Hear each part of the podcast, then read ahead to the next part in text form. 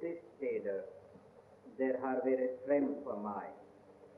In diese Tage, der fyrste Stor hos Propheten Ezekiel, der niehende Kapitel Propheten Ezekiel. Og vi kan lese fra tredje vers, vers tre. Og Israels Guds herlighet hevede seg opp fra kerubbene. Over hvilket den var, inn til husets dørterskel. Og han ropte til den mann som var iført linnklederne, og som hadde skrivetøyet ved sine lender. Og Herren sa til ham, gå midt igjennom staden, midt igjennom Jerusalem, og gjør et tegn på de menns panner som sukker og jamrer over alle de vederstyggeligheter der sker i dens midt. Les nå noen vers fra profeten Malakias. Det tredje kapittel, profeten Malakias,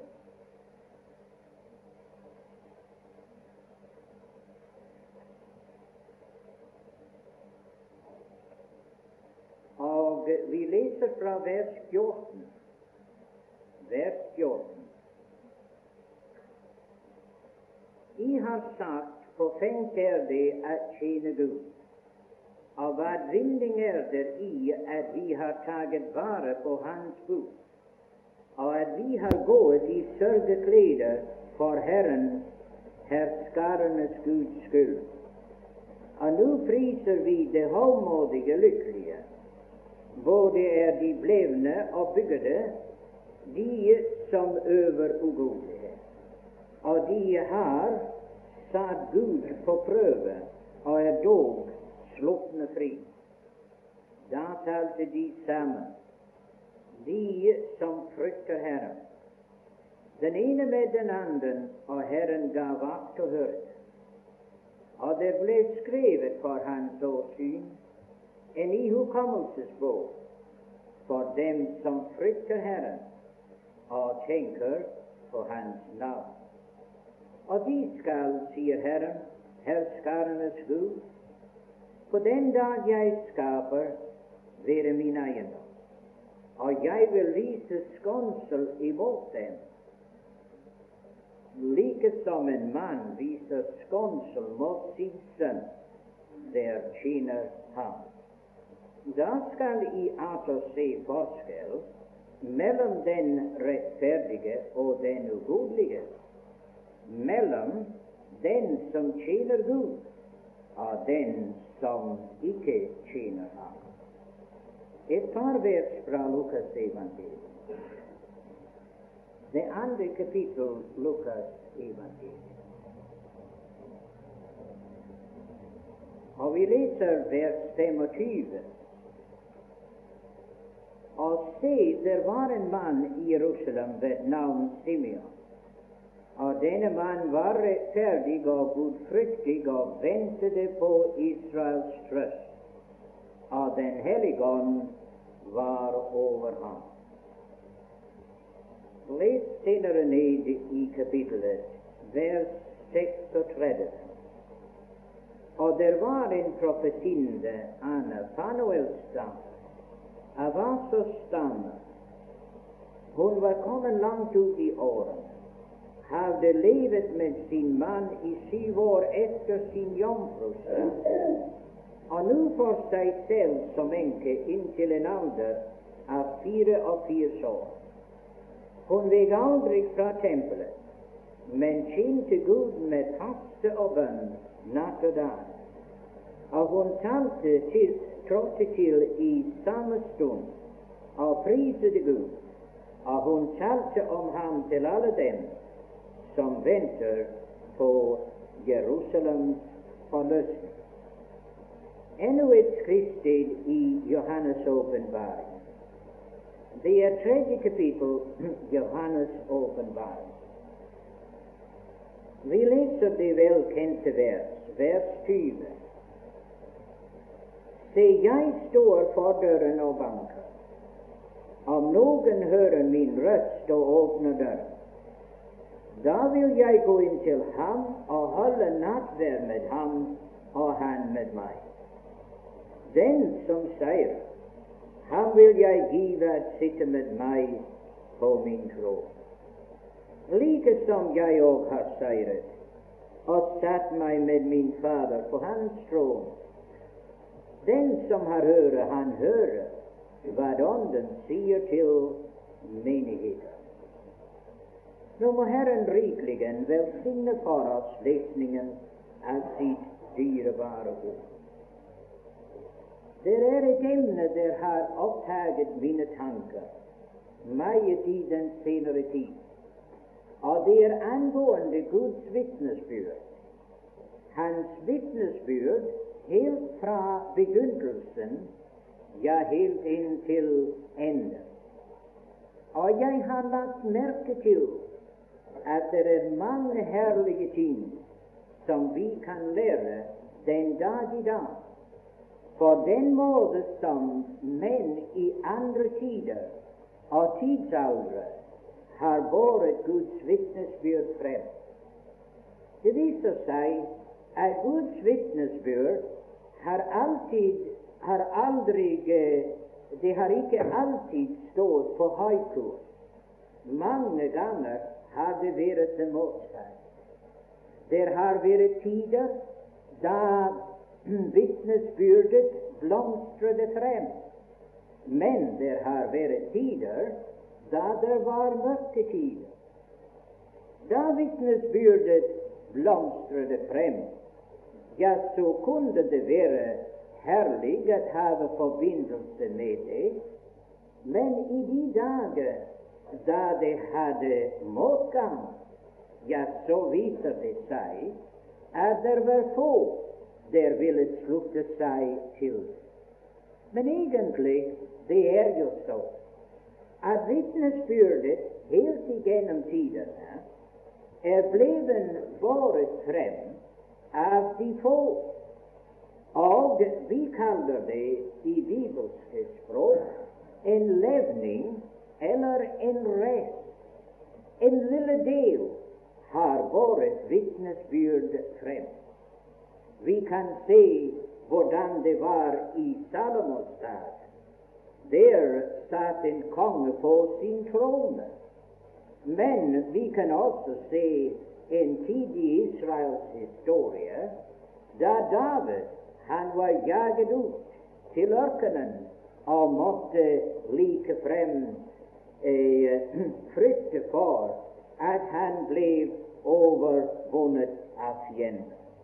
Det var jo tider da alt gikk vel for Israel, men det var tider som de hadde mørke dager. Og det var dette som vi kan se. Det var hvordan at vitnesbyrdet ble båret frem i disse mørke dager. Det hadde stor betydning. Man tenker på det således at den tid vi leser om her i Esekiel, og den tid vi leser om i uh, Malakia, og den tid vi leser om i Lukas evangeliums andre kapittel, og den tid som vi leser om i Johannes' åpenbaring tredje kapittel. De har noe til felles, disse skriftsteder. Det omhandler for oss en tid da vitnesbyrdet opplevet dets mørke tid. Da det opplevet veldig motgang, og da det var meget imot. Her i Esekiel det viste seg at folket var selvtilfreds. Og det viste seg at vederstyggelighet blomstret like frem iblant Israels barn.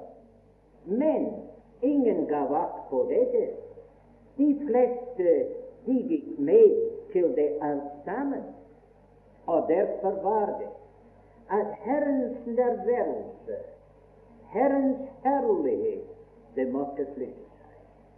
Den kunne ikke være der. Han kunne ikke være iblant et folk der likefrem hadde staten vederstyggelige ting iblant dem. Og da finner vi den mørkeste tid i Israels historie, da likefrem herligheten viger bort. Man kunne skrive deretter over det, ikke bare herligheten er vegen bort. Det var en mørk periode, men tror du at i denne mørke periode at Gud ikke hadde noen vitnesbyrd? Jo, det hadde han.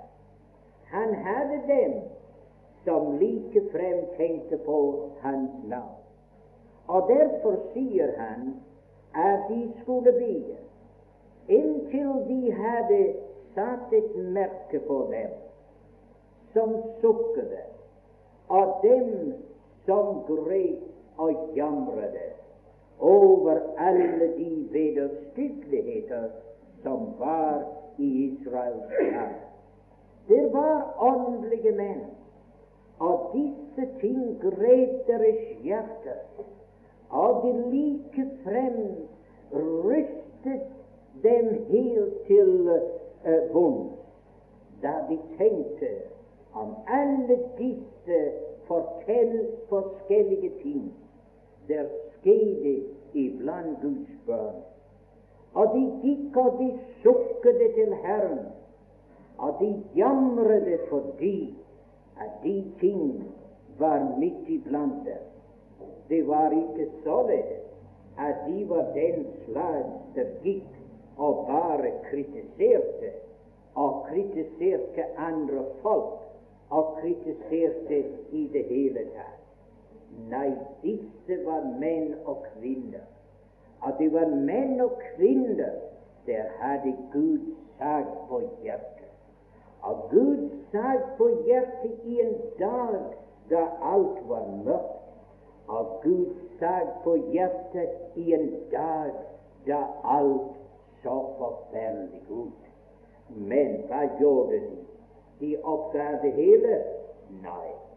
De sukket og de grep til Gud. Å, kjære Guds barn, det er én ting det har vært forbundet med vitnesbyrd helt igjennom. Og jeg skal si hva det er. Det er lidelser. Det er tårer. Ja, endog blod. For således har Gud ført sitt vitnesbyrd frem.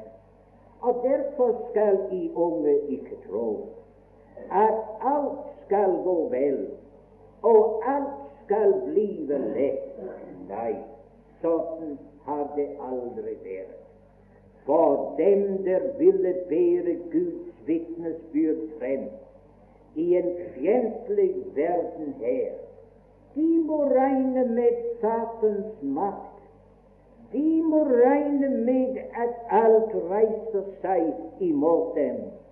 De må regne med at Satan med hele hans hær vil storme inn og ødelegge det. Er ikke en eneste ting som er Gud til velbehag, som ikke blir angrepet av fjenden.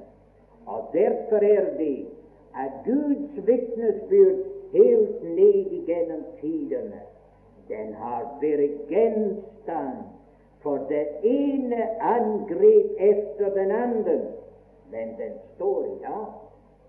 Guds faste grunnvoll står, og Guds vitnesbyrd har vært i snart 6000 år. Tid er Guds vitnesbyrd, og den skal føres igjen. men som er satt gjennom mange tår. Og Gud har skrevet om de menn og om de kvinner som har vært vitnesbyrd tro gjennom de vanskelige tider. Han sier 'sett et merke på disse menn'. Gud beseil disse menn Ty her er menn som i de mørke dager de vil stå fast for vitnesbyrd. Du kan se hvordan det var med Hana, den kvinne som levet i en meget mørk tid i vitnesbyrdserfaring. Hva gjorde hun? Hun hørte med til dem der gret. Hun gret disse bitre tårer, og hun bad Gud om en mann.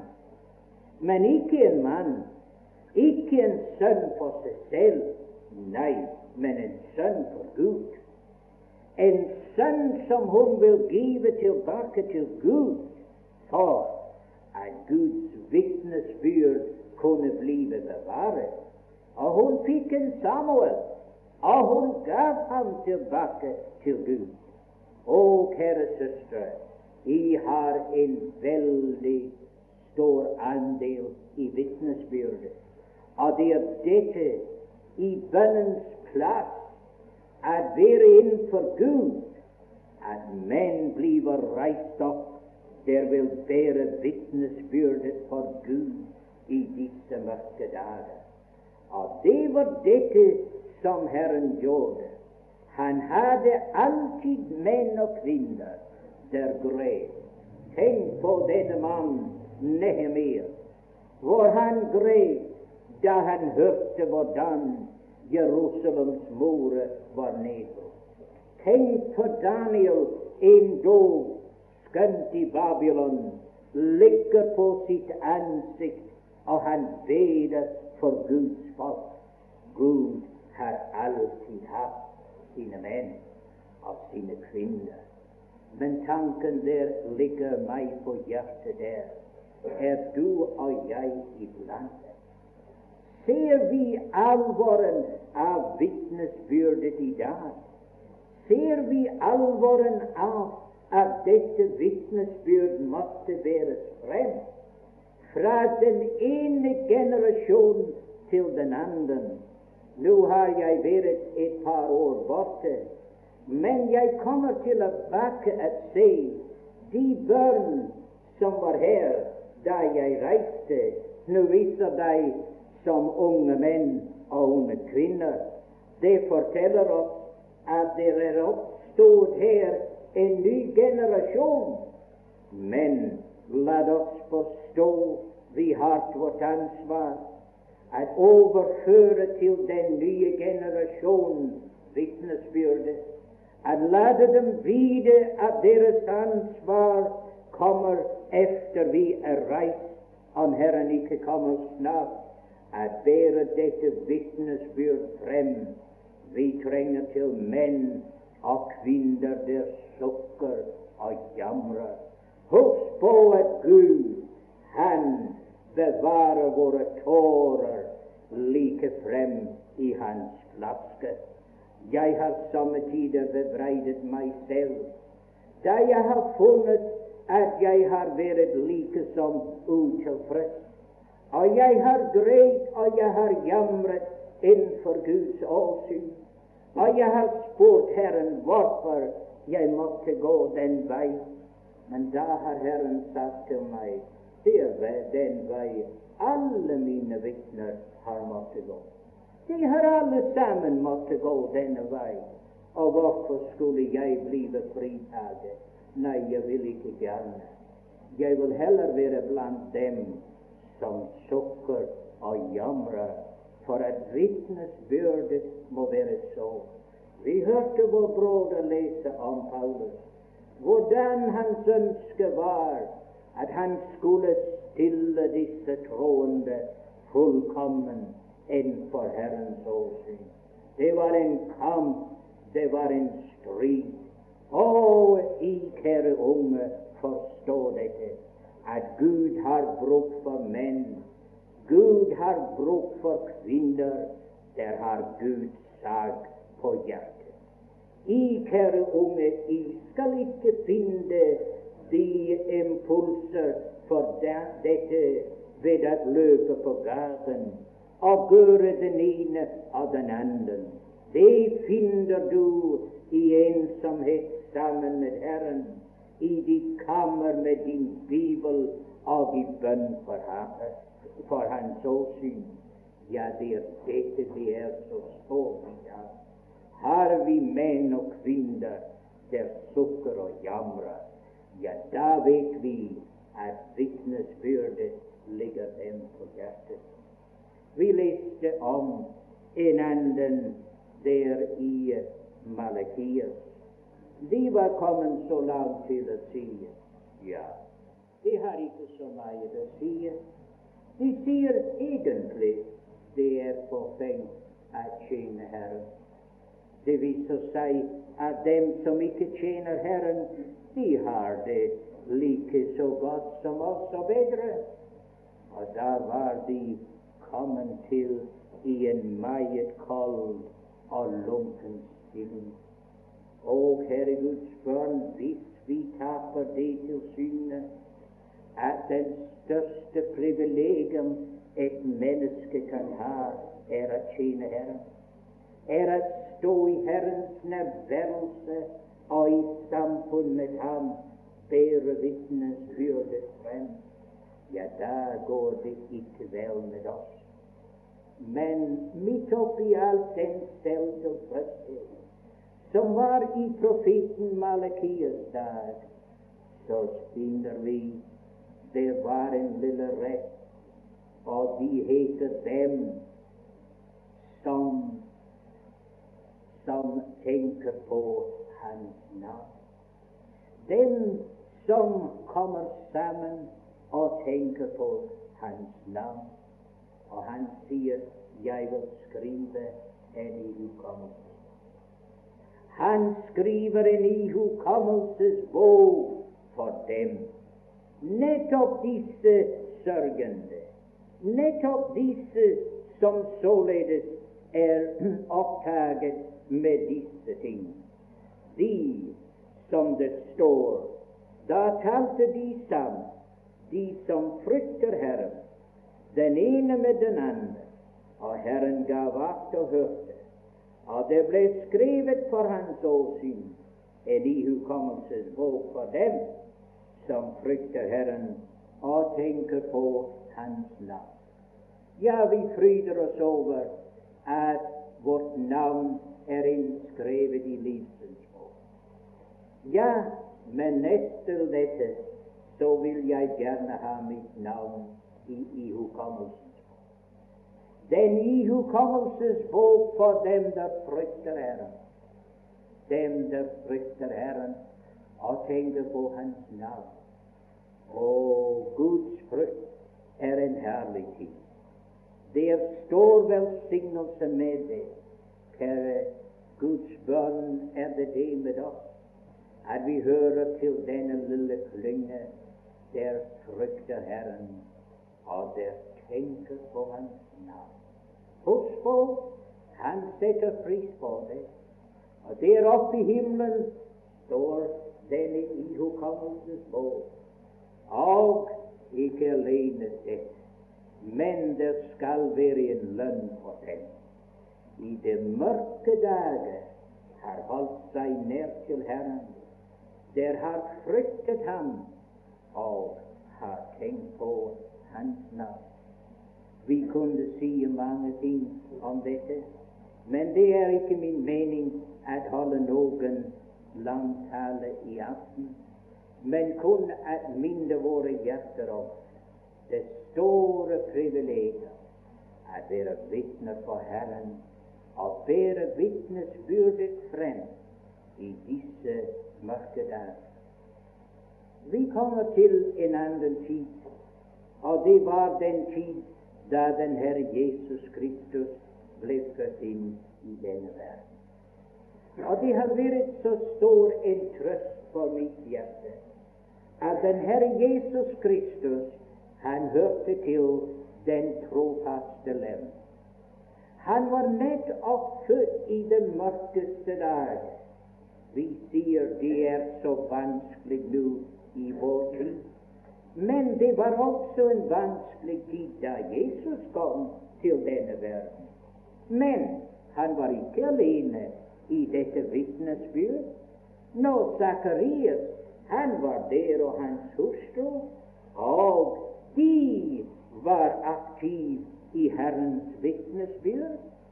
Og så var det en gammel mann, han het Simeon, og han også var meget ivrig i dette vitnesbyrd.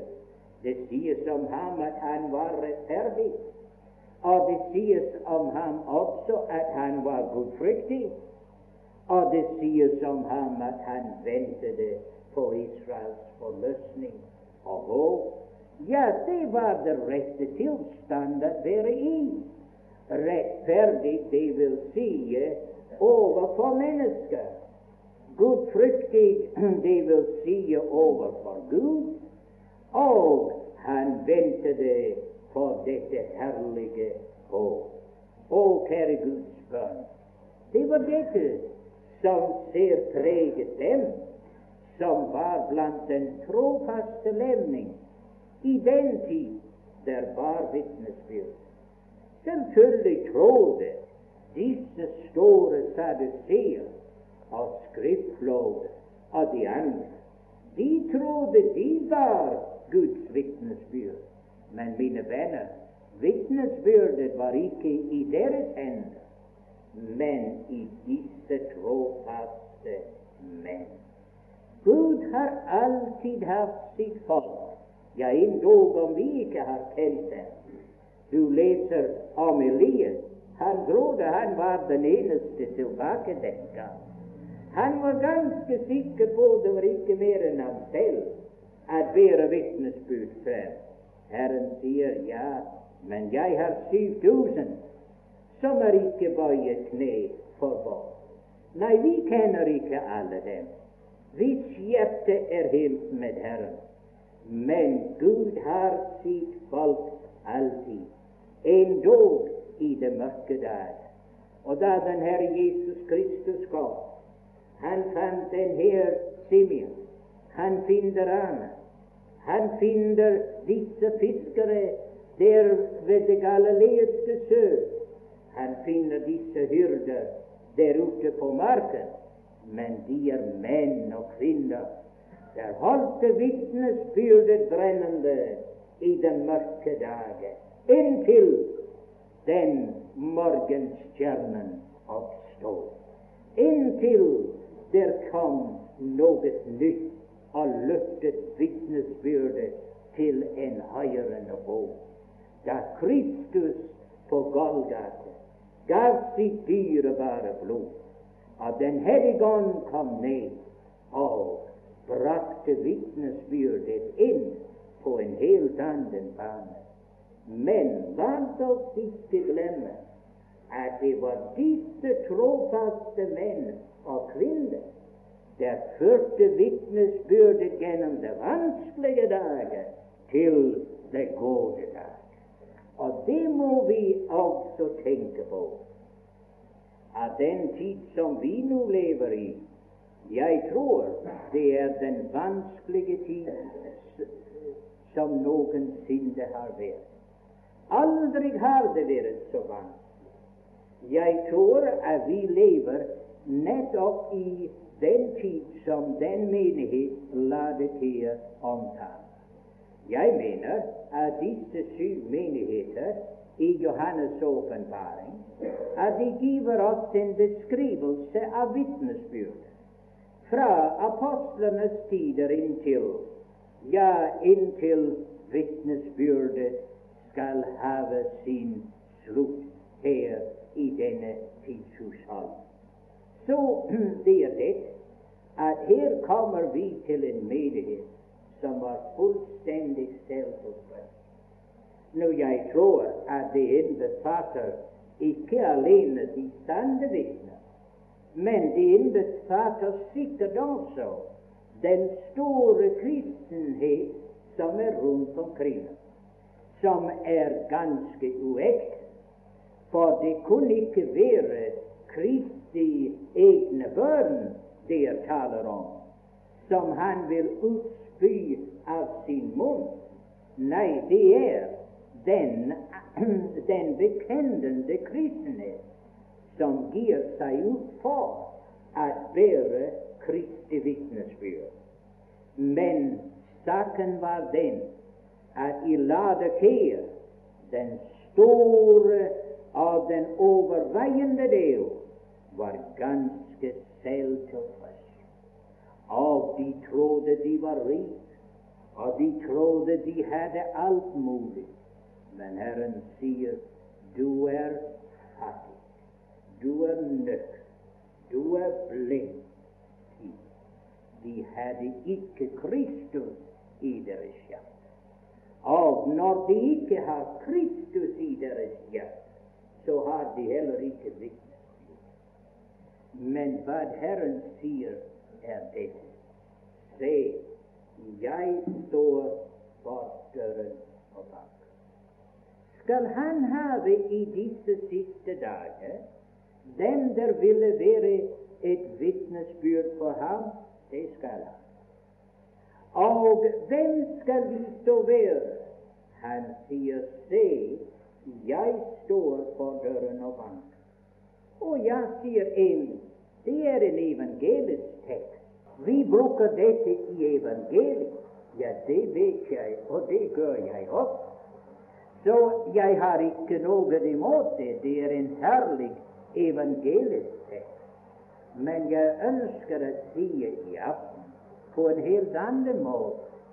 Det er jo egentlig et ord der kommer til den bekjennende menighet. Og han sier, hør hva Ånden sier til menighetene. Og da sier han, se, jeg står for døren og banker.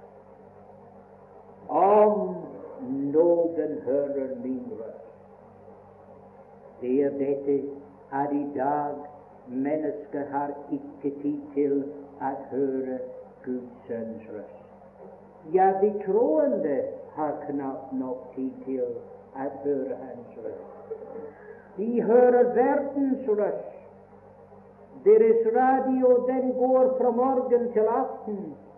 Og tror du at du kan høre Guds sønns røst når den går hele dagen? Det blir vanskelig. Husk på det. Det er det han sier om noen hører min røst. Har du likefrem innstillet ditt hjerte så at du kan høre himmelens røst, at han kan tale til ditt hjerte, det er en stor opplevelse. Og Det er derfor vi er samlet i disse dager. Det er for at vi kan høre Guds sønns røst. Og når vi hører Hans røst, når noen hører min røst, sier og åpner og åpner døren, da vil jeg komme inn til ham. Og da vil jeg holde nattverd med ham, og han med meg. Er dette ikke velsignet at du kan dekke bord for den Herre Jesus? Midt oppi denne periode det er så mørkt omkring. Den Herre Jesus vil gjerne ha en plass. Nei, ikke en plass, ikke et værelse, men han vil gjerne bo i ditt hjerte. At han skulle bo i ditt hjerte ved tro. Det er ikke de enkelte steder som jeg kommer til.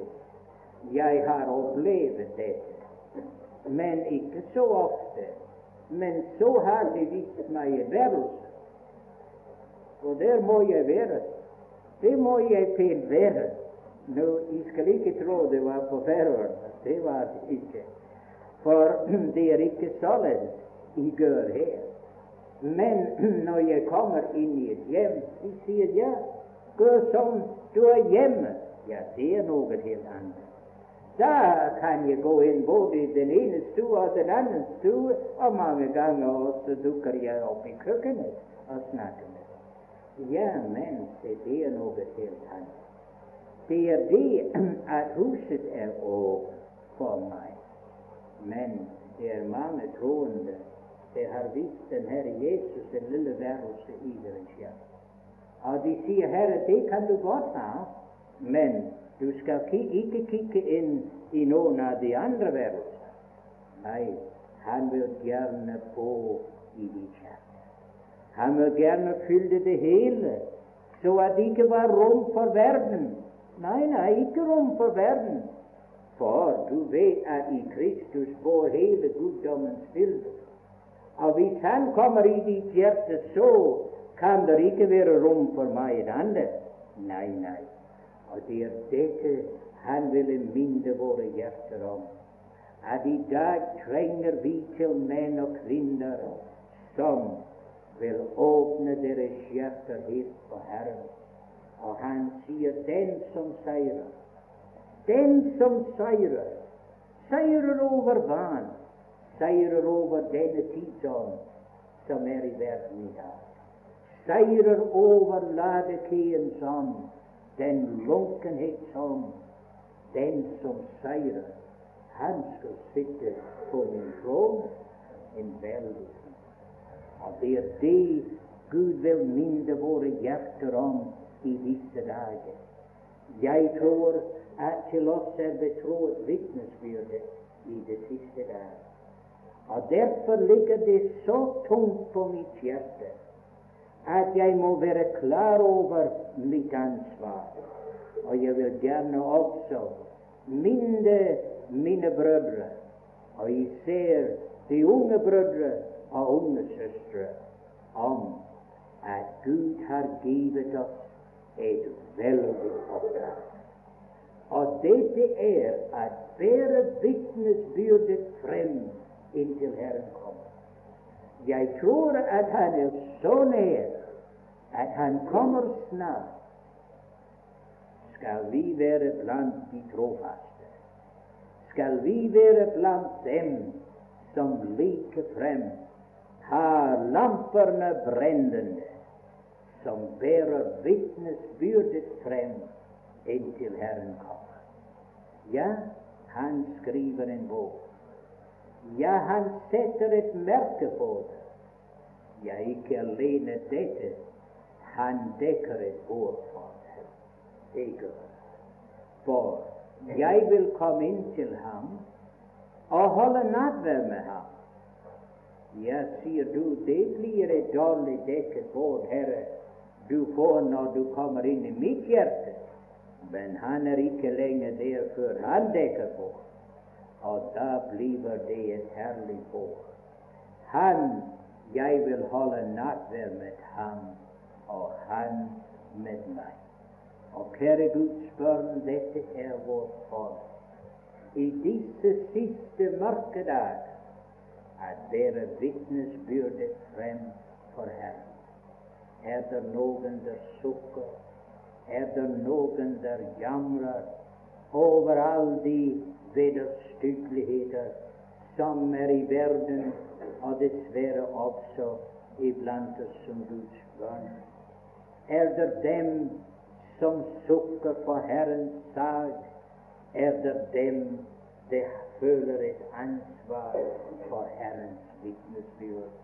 Og det er derfor vi er sammen. At vi alle sammen måtte føle dette ansvar. Og vi alle sammen må blive bundet sammen for å kjempe for den tro en gang for alle overgive til hellige og bære vitnesbyrdet frem inntil Herren kommer så må Herren i disse dager styrke våre hjerter, og må Han på en alvorlig måte legge det oss på hjertet, vårt store ansvar med hensyn til vitnesbyrd, at bære det frem i Åndens kraft inntil Herren kommer.